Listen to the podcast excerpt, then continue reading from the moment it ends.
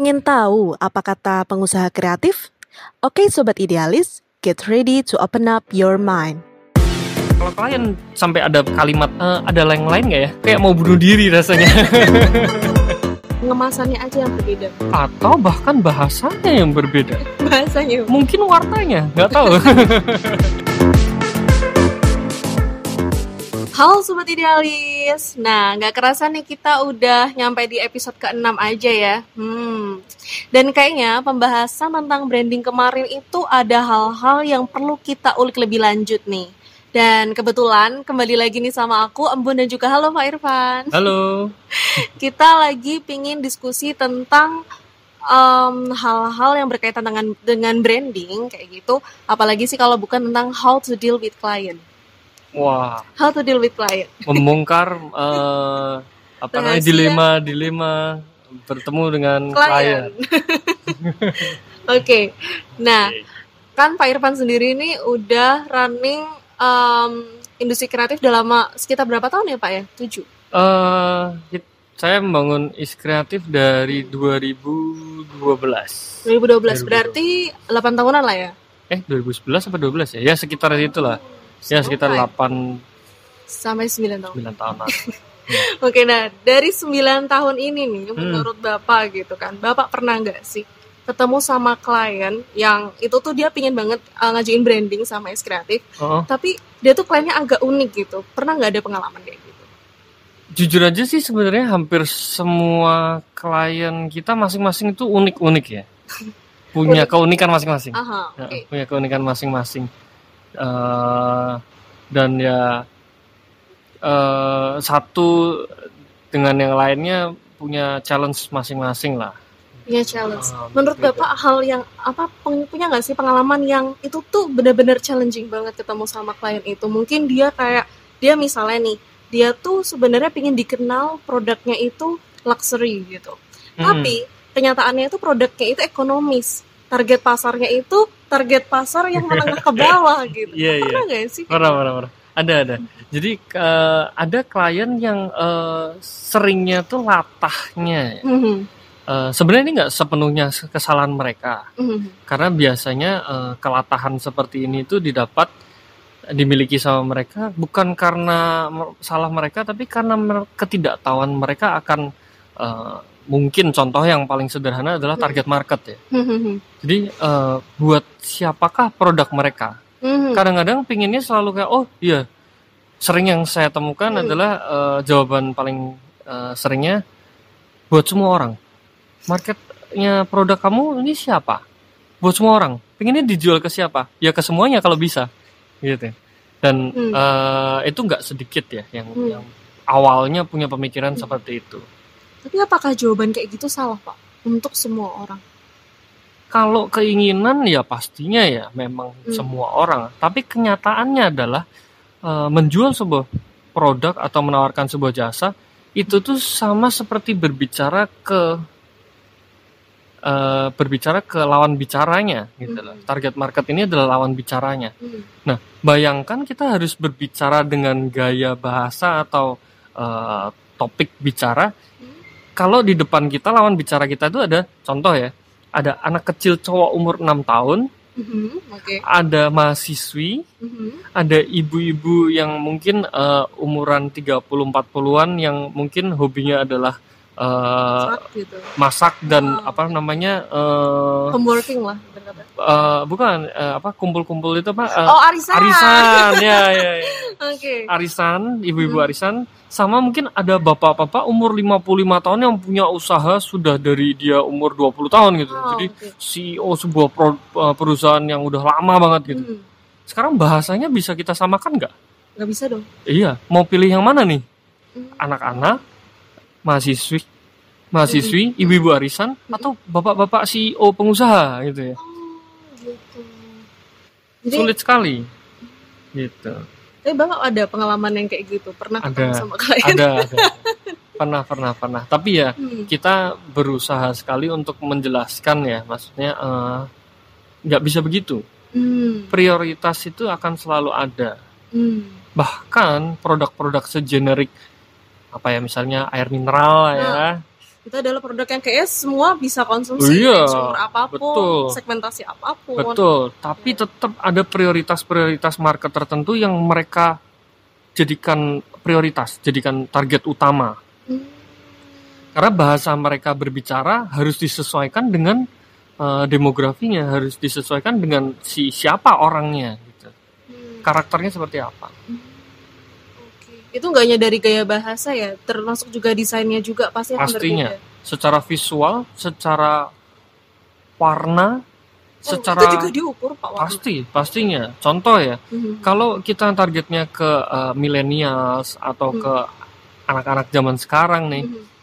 produknya kekinian Mhm. atau kita pingin buat supaya terkesan kekinian, Mhm. berarti warna-warna yang harus digunakan biasanya Mhm. eh, warna-warna yang cukup norak dan cetar dan kadang mungkin termasuknya kontroversial, misalnya kayak pakai pink pink pink atau Pink magenta, oh, tapi itu ternyata buat cowok misalnya gitu Oh, ya, ya nggak masuk nggak mas, bisa jadi. bisa jadi Kalau produknya kekinian, kenapa enggak? Karena zaman sekarang orang pakai baju warna magenta cetar gitu, mungkin pede-pede aja. Aha. Beda dengan zaman eh, zamannya bapak-bapak kita gitu misalnya. Oh. Mereka nggak mungkin menyentuh hal-hal seperti itu. Gitu. Nah kalau misalnya targetnya ke orang-orang yang sudah lebih mapan dan tua, Mhm. eh, bisa kita pakai warna-warna yang lebih earthy, Hmm. lebih eh, dinikmati mata nggak pedes nggak sakit gitu ya. Hmm. Itu itu semua diatur. Hmm. Gitu. kalau bapak ketemu sama klien yang memang dia emang basicnya agak rebel sama kayak gitu maksudnya idealismenya dia dia pinginnya kelihatan begini begini begini nah gimana sih cara bapak itu buat meluruskannya salah satu caranya apakah dengan cara mengedukasi atau menginformasi atau Pas- gimana pastinya iya. Eh, kita biasanya dengan cara satu kita memberikan gambaran dulu kepada contoh-contoh lain yang sudah pernah ada. hmm. Ya kayak tadi ya. Iya. eh, Jadi, aku eh, bilang air ngasih- mineral. Aku bilang misalnya eh, mungkin eh, apa chain resto yang banyak di eh, ada di sekitar kita, Oh, oke, oke. tempat kopi yang semua orang kenal. Oh. Nah, hal-hal seperti itu akan memberikan gambaran ke mereka, oh iya ya, ternyata memang ada prioritasnya.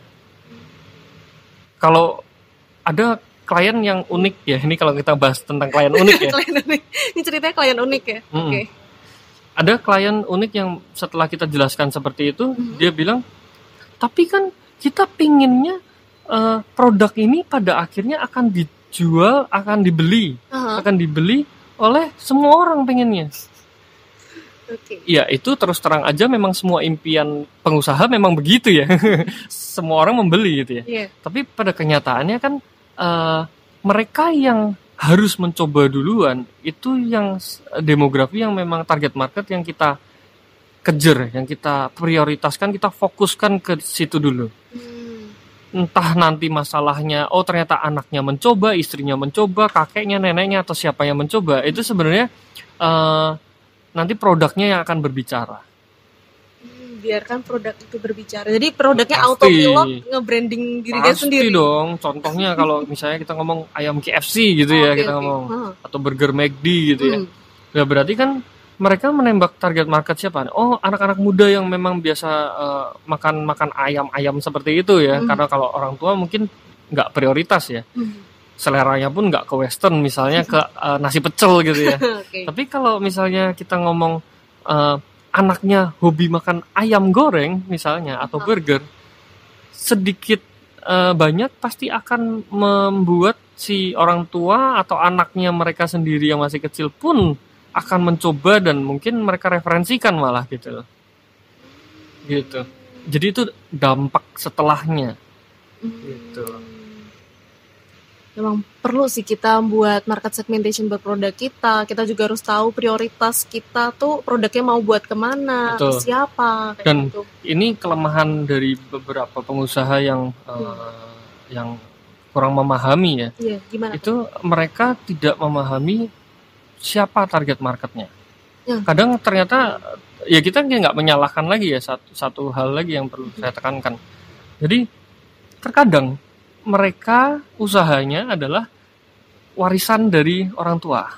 Hmm, kayak Nah, ber apa bertahun-tahun yes, sudah terbentuk marketnya yang Dibangun lama, sejak sejak ya berdiri sejak gitu ya. Capek nggak duduk-duduk gitu. Nah, Aduh. itu biasanya eh, si orang tua ini mungkin eh, menganggap bahwa anaknya sudah memahami karakter dan segmen marketnya yang sebenarnya. Mhm. Tapi pada kenyataannya adalah eh, penerus usaha tersebut bisa jadi eh, mungkin nggak sepenuhnya memahami ya. Dan karena produk ini sudah lama, asumsinya dia adalah pasti semua orang sudah kenal dan pasti mau beli lah. Mhm. Tapi pada kenyataannya eh, segmen market pun ternyata berubah loh. Segmen market pun berubah.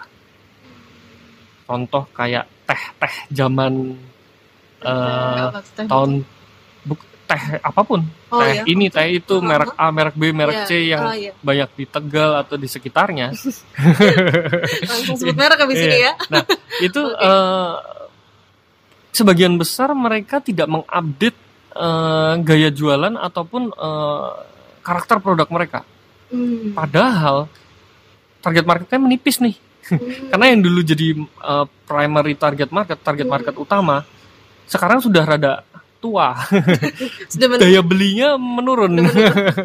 sekarang kan berarti iya, jadi sekarang anaknya dong yang harus beli kan. Hmm. Nah itu kadang eh, itu yang harus kita olah lagi. Kita harus sesuaikan lagi dengan karakter yang zaman now. Nih bagaimana? Oh, Teh tuh masih dicelupin nggak sama mereka? Masih direbus kalau Nggak zaman dulu dicong. Ah, Iya, iya. dicong. Nah, apa namanya? Oke. Eh, bukan berarti terus metodenya berubah nggak Ah, juga sih. ah. Sampai sekarang saya sendiri pun juga masih celup-celup teh gitu. Iya. Cuma maksudnya eh, gimana caranya membuat kebiasaan ini menjadi lebih trending lagi saat ini? Gitu.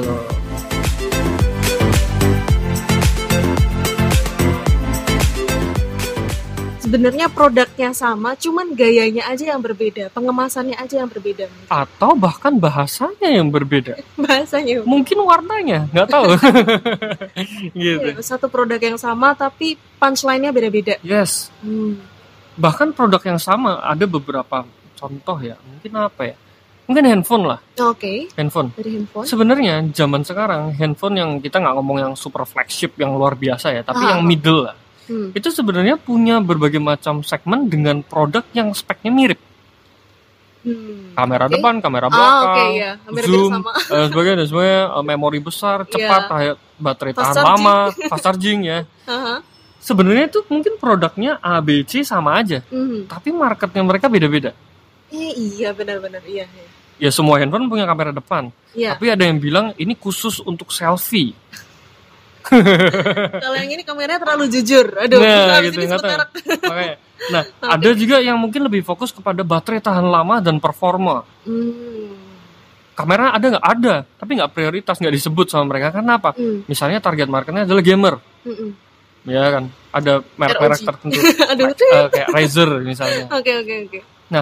hal-hal eh, ini sebenarnya yang menunjukkan bahwa pentingnya target market terhadap produk yang kita tawarkan Aha. karena karakternya bentuknya dan segala macamnya lah itu sangat berpengaruh nah ini ada eh, karakter klien yang memang mungkin eh, perlu edukasi lah Oh. di Jadi emang market. yang diutamakan itu ada edukasinya. Mm. Meluruskan pandangannya dulu. Meluruskan. Sebelum meluruskan, membuka pandangannya. Om buka dulu Membuka- baru diluruskan. Iya, buka pikiran dulu, buka pikiran. dulu. Gitu. Hmm, Tapi uh, kalau di presentasi ini, Pak, Hmm. kalau Bapak sel- berarti selama 8 tahun tadi, Mm. berapa persen kira-kira memang ada apa klien yang memang dia benar-benar paham tentang market segmentation itu tadi? Mungkin di bawah 50%. Hmm, dikit sekali. Ya, kenyataannya seperti itu. Hmm. Bisa jadi ya. Hmm. Eh, kita nggak menyalahkan seolah-olah oh ini berarti eh, pengusahanya bego-bego gitu. Ya nggak salah Nggak sih. juga, bukan, Mungkin bukan, bukan. Kurang informasi. Karena kadang mereka juga terlalu fokus kepada usahanya mereka sendiri ya. Hmm. Saya sendiri kan sebenarnya pengusaha kan sebelum Iya. desainer. Hmm. Nah, eh, kondisinya adalah kita kadang terlalu prioritas dan fokus kepada jadi pikirannya penuh sama cara menjalankan bisnis yang jalan aja bener itu sudah menguras tenaga pikiran dan waktu. Hmm. Jadi kadang mereka untuk hal-hal seperti ini kurang diprioritaskan. kurang aware. Yes, yes, yes. Mungkin setelah bisnisnya sudah mulai menginjak usia-usia senior sudah mulai merasa, aduh ada yang salah nih kayak. Ya.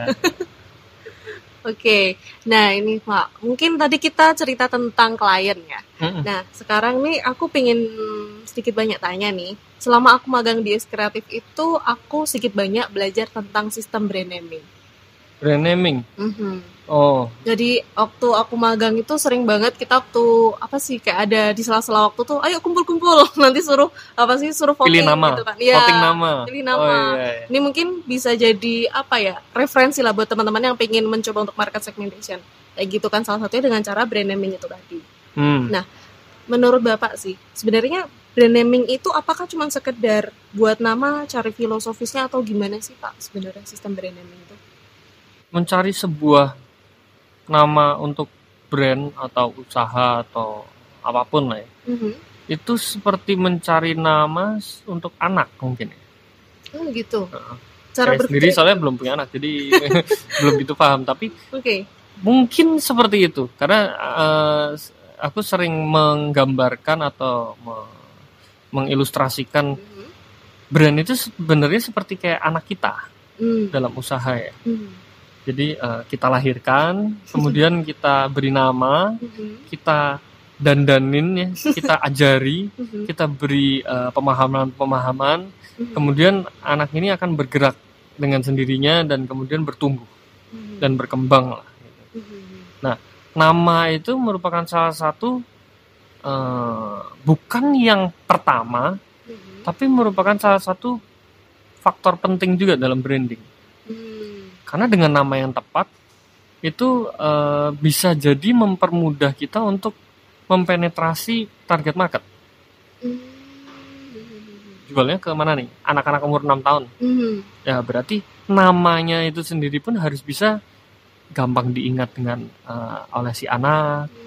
Kemudian eh, pelafalannya tidak sulit. Mhm. Bahkan mungkin punya keunikan dalam penyebutannya yang membuat orang lu, susah lupa. Hmm. Eh. Misalnya itu. Jadi nama itu harus dis- disesuaikan juga sama target marketnya juga kayak Yes. gitu. Yes. Tapi Konsep brandnya eh apa konsep produknya pun juga ya. konsep produknya, Oh. ya pasti kan. Iya, jadi jangan jualan brownies namanya kayak nama rokok misalnya. Brownies jarum. Aduh, Waduh. beda banget. Beda banget ya. Aduh, aduh. Nah, kalau tentang sistem naming nih Pak, saya salah, saya juga sedikit banyak nih kepo sama si di websitenya is kreatif. Salah satunya tuh em, cerita tentang kalau misalnya kita mau kerja sama sama industri kreatif kayak gitu, kita harus eh salah satu hal yang menjadi bahan consideration adalah si perusahaan kreatif itu harus tahu tentang sistem penamaan yang common. gitu. Sebenarnya yang dimaksud sama sistem penamaan yang common itu kayak gimana sih? Dan sebenarnya kalau misalnya nih, kalau si industri itu industri kreatif itu nggak bisa memberikan apa ya, memberikan kita nama yang di luar common kayak gitu, atau ibarat kata gimana ya? Kayak gini, si industri kreatif itu nggak punyai eh, nggak punya skill, nggak nggak tahu tentang sistem penamaan yang common itu impactnya buat usaha kita tuh gimana? Oh, kalau sistem penamaan yang common itu sebenarnya nggak ada satu rumus yang pasti. ya. Ah, aku juga bingung di situ. iya, karena eh, kalau kita pelajari bahwa eh, nama itu bisa jadi apa pun. Ah, Karena kita pernah punya klien dengan nama yang sangat lokal, sangat sangat lokal, yang sangat eh, sederhana. Mhm. Namun setelah kita branding akan menjadi sebuah nama yang luar biasa gitu loh. Dan Hmm. Orang jadi eh, eh, identik dengan nama tersebut gitu. Gitu. Nah, eh, apa namanya? Kalau untuk pengetahuan dasar, maksudnya bagi siapa nih? Bagi si agensinya atau bagi si klien? bagi si klien. Kalau bagi si klien, memang kemungkinan besar klien nggak akan mengerti ya Mhm. hal-hal tersebut karena itu sangat kompleks dan Mhm. eh, memang tidak ada rumus yang bisa dipelajari gitu ya. Mhm. Tapi kalau dari sisi si eh, kreatif eh, agensinya yang misalnya mencarikan nama nih ya, pastinya tentu harus bisa men- me- melakukan research dan referensi yang cukup banyak ya. Sebelum kita berani memutuskan nama yang cocok untuk bisnis Anda adalah apa gitu. Referensi dan research. Tujuannya apa? Eh, untuk mengurangi kemungkinan eh, kesama nama kemiripan nama itu sebenarnya challenge kita yang paling sulit ya. Oh itu malah Iya. justru di situ. Yes. Mungkin tadi si sistem penamaan yang common itu menjadi salah satu tolak ukur kita buat kerjasama kerjasama sama kreatif industri karena bisa jadi mirip nam- namanya atau gimana? Iya, kadang tuh ada orang memilih memilih nama ini aja deh.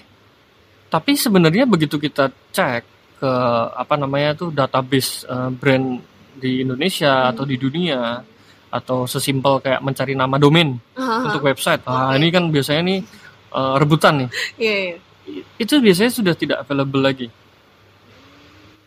Belum lagi zaman sekarang berarti harus nama tersebut masih cukup unik untuk bisa dimiliki di sosial media, di Instagram, di Facebook Hmm, dan di hmm. mana-mana lah gitu ya. Hmm. Nah, itu kan berarti harus juga nama tersebut kriterianya semakin tinggi nih zaman sekarang.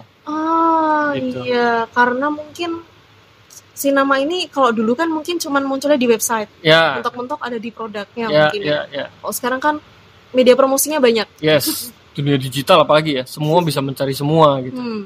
Nah, itu kan perlu kita cari nama yang memang unik sekali yang eh, bisa masih tetap unik bahkan di platform-platform yang berbeda.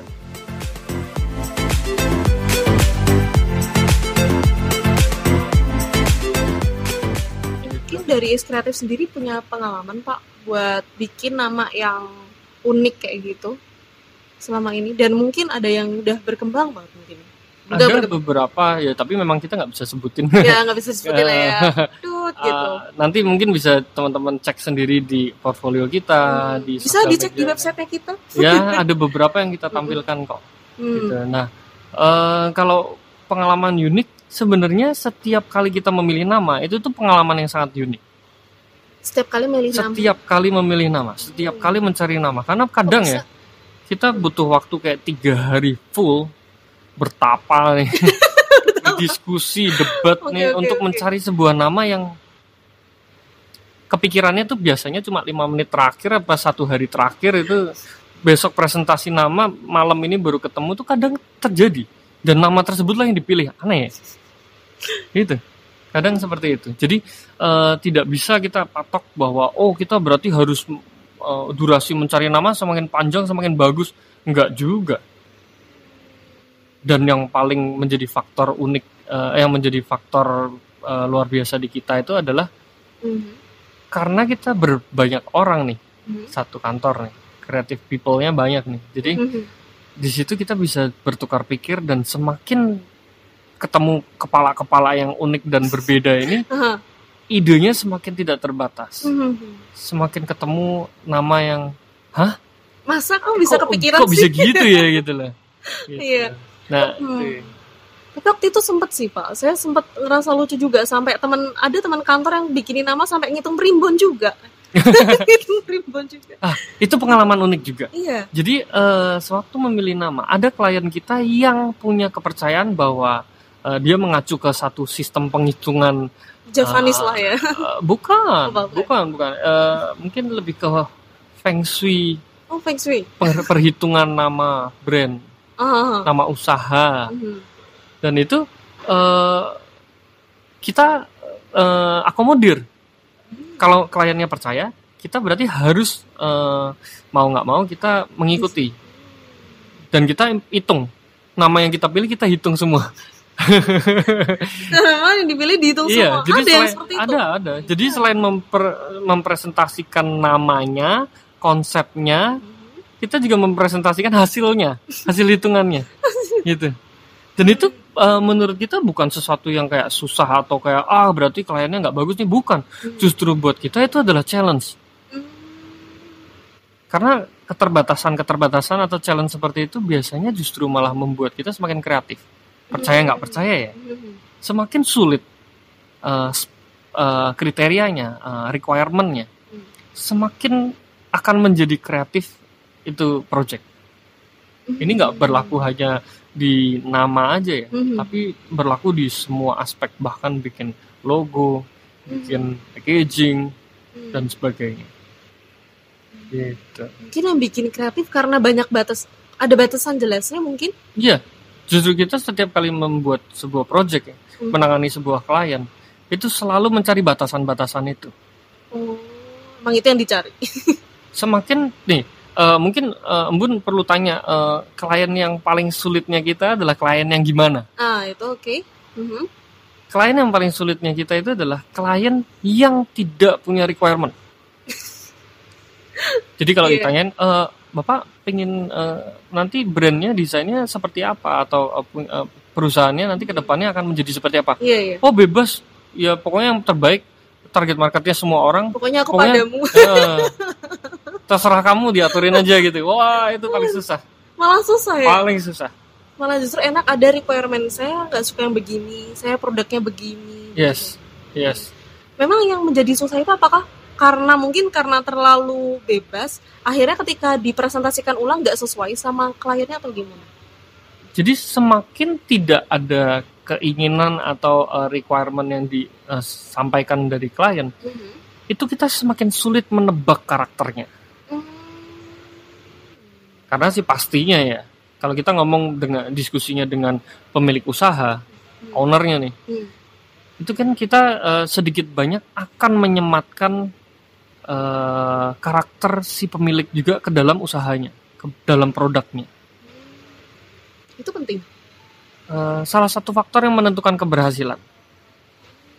Saya Ya. tahu, i- eh, ini ada hubungannya juga mungkin sedikit ya dengan psikologi. ya. Mhm. Biarpun saya bukan psikolog, ilmu psikologi abal-abal lah. Gitu. Psikologi abal-abal, autodidak, belajar dari pengalaman lah. belajar dari pengalaman. Iya, nah itu biasanya kita eh, melihat sekali atau mem- eh, mempertimbangkan juga karakter si owner bisnisnya, gitu. Dan contoh lagi ya, kalau misalnya kita ngomong eh, sulitnya eh, apa keunikan klien ya, Hmm, rekan klien. ini kita dulu belajar saya pribadi sih belajar dari pengalaman yang cukup awal ya. Hmm. Jadi awal banget nggak ada yang ngasih tahu. Dulu kita bikin eh, alternatif desain. Woi, Oh. biasa nih alternatif desain. Revisi nih urusannya nih. oke, oke. Itu bikin alternatif waktu presentasi cukup banyak. Hmm. Saya pernah bikin alternatif itu sampai mungkin bisa 8 kali. 6 apa 8 Delapan desain. desain. Waktu itu logo. Logo lagi. Logo lagi. Dan ternyata Heeh. semakin banyak alternatifnya itu Hmm. semakin sulit. Iya. disuruh milih tiga eh, sneaker Iya. aha. atau bahkan dikasih kado Aha, kan berarti satu ya Iya. terima nggak suka nggak suka lah Oh, kurang lebihnya iya dan, kita pasti akan melihat betapa bagusnya biarpun mungkin nggak terlalu suka ya Mhm. karena dikasih satu Hmm. tapi kalau dikasih suruh milih mau dibeliin nih sama eh, orang tua sama papi gitu ya Hmm. ceritanya beliin tiga nih suruh milih yang mana Aha. kita bisa pilih kan satu tapi kalau suruh masuk ke toko sepatu dan suruh milih mana yang kamu suka Bingung sendiri. biasanya waktunya yang dibutuhkan untuk memilih itu lama sekali bener gak? Iya nggak? Bener bener bener. bener. apalagi kita lagi browsing di all shop Aduh, itu udah dijamin lama banget. galau galau Sampai sehari sehari belum tentu dapat tuh gitu nah sama halnya seperti dengan alternatif desain suatu presentasi ini yang kita pelajari dulu saya pikir dengan memberikan banyak alternatif itu berarti mempermudah kita kan Mhm. tapi pada kenyataannya eh kalau kita sih ngomongnya rule-nya itu rule of thumb-nya itu tiga alternatif desain itu sudah sangat eh, mewakili Minimal tiga. maksimal tiga Maksimal tiga lah itu bukan enam tadi. Ya itu salah pertama. Kan belajar. Oh belajar. setelah itu belajar. Karena apa? Dari enam atau delapan alternatif yang dulu kita pernah Mhm. coba dia nggak pilih dong. Dia nggak pilih. Udah dibikinin enam nggak dipilih? nggak dipilih. Tanyanya gini ada yang lain nggak? Wah itu kalau klien sampai ada kalimat "Eh, ada yang lain nggak ya itu kayak mau bunuh diri rasanya Sini Iya. mikirnya pagi malam ya kan? iya Lagi padahal siapa? kita udah sangat enam itu capek banget loh Iya. Ya belum nyari idenya, Wah, nyari balance-nya. bikin- belum siapin presentasinya belum bikin logonya kan Iya, iya, iya.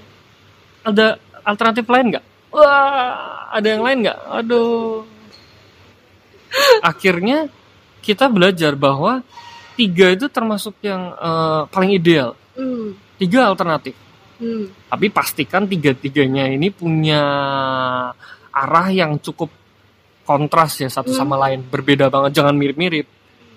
Nah, dari situlah kita akan bisa mengerti arah si klien ini ke arah mana. Gitu. Mungkin ini bagi klien-klien yang mungkin belum terdefine secara jelas, usahanya bisa banget ya dikolaborasi sama kreatif agensi jadi lebih jelas gitu. Arah Iya, arahnya mau ke mana gitu. Jadi nggak sekedarnya ngasih logo, tapi ngasih kejelasan nih. iya, iya. Bahkan ada keunikan lain ya. Iya, iya, Klien kita tuh, Pak? eh projectnya sebenarnya hanya membuat website awalnya. Aha. Oke. Tapi eh, setelah kita lihat bahwa ternyata kebutuhan mereka itu bukan websitenya yang utama justru. Lalu Jadi eh, datang minta website, Mhm. kita upgrade jadi rebranding total. itu kerja dua kali dong habis itu karena dia nggak pingin prioritasnya di websitenya. Oh, bukan, dianya maunya bikin website. Oh, ini bikin website. Iya. Tapi eh, setelah kita pelajari, kalau kita buatkan website pun itu tidak akan menjadi solusi buat bisnisnya. Karena ternyata yang dibutuhkan adalah rebranding total. Ah, Konsep. Produknya, konsep usahanya lah yang harus dirombak, dimodifikasi ya. Gitu. Tapi Is Kreatif sendiri menawarkan rebranding nggak sih Pak sebenarnya? Oh iya, sa- eh, produk utama kita justru malah rebranding. Brand design, brand identity design gitu. Oh, bahkan bahkan eh, aku termasuknya cukup beruntung kali ya is kreatif ini eh, ada beberapa kliennya yang kalau dia mau melakukan pengembangan usaha atau membuat produk baru itu terkadang malah konsultasinya ke kita konsultasi ke Is Kreatif. iya padahal kita nggak bisa jawab apa apa juga sih Mungkin karena pengalaman kali selama 8 tahun itu ketemu sama berbagai macam klien dengan apa eh, bentuk-bentuk yang berbeda, segmentasi yang berbeda. ya kita eh, termasuknya juga se- sekali lagi cukup beruntung karena juga punya klien dengan eh, spektrum usaha yang sangat variatif Mhm. saat ini sampai saat ini kita tuh sudah punya eh, produk-produk unik sekali sampai kayak susu anak kita pernah. Jamu, jamu. Jamu anak. betul jamu anak pun kita pernah. Aduh. terus kemudian eh, membranding eh, apa ya kasur busa pun kita ada ya. Busa spons buat cuci mobil pun kita pernah. Terus kita juga pernah apa lagi ya eh, sampai banking perhotelan perumahan restoran kafe banyak Wow. eh ya itulah yang membuat kita mungkin eh, pem- pem- perbedaan kita dengan agensi yang lain tuh kayak gitu. Wah, cukup keren banget nih kayak bisa buat teman-teman yang uh, pingin banget cari solusi dari bisnisnya boleh banget kolaborasi sama Is Kreatif. Oh ya teman-teman semua, kayaknya kita cukup nih Pak di episode kali ini ya. Oke. Kita sama lagi nih di episode selanjutnya dan jangan lupa buat teman-teman semua di sini jangan biarin insight ini berhenti di kamu aja. Dengan cara cukup share podcast ini ke teman-teman kamu karena bisa jadi mereka itu butuh inspirasi ini dari kalian kayak gitu. Oh ya, selan eh, kita ketemu lagi ya di podcast selanjutnya. Bye.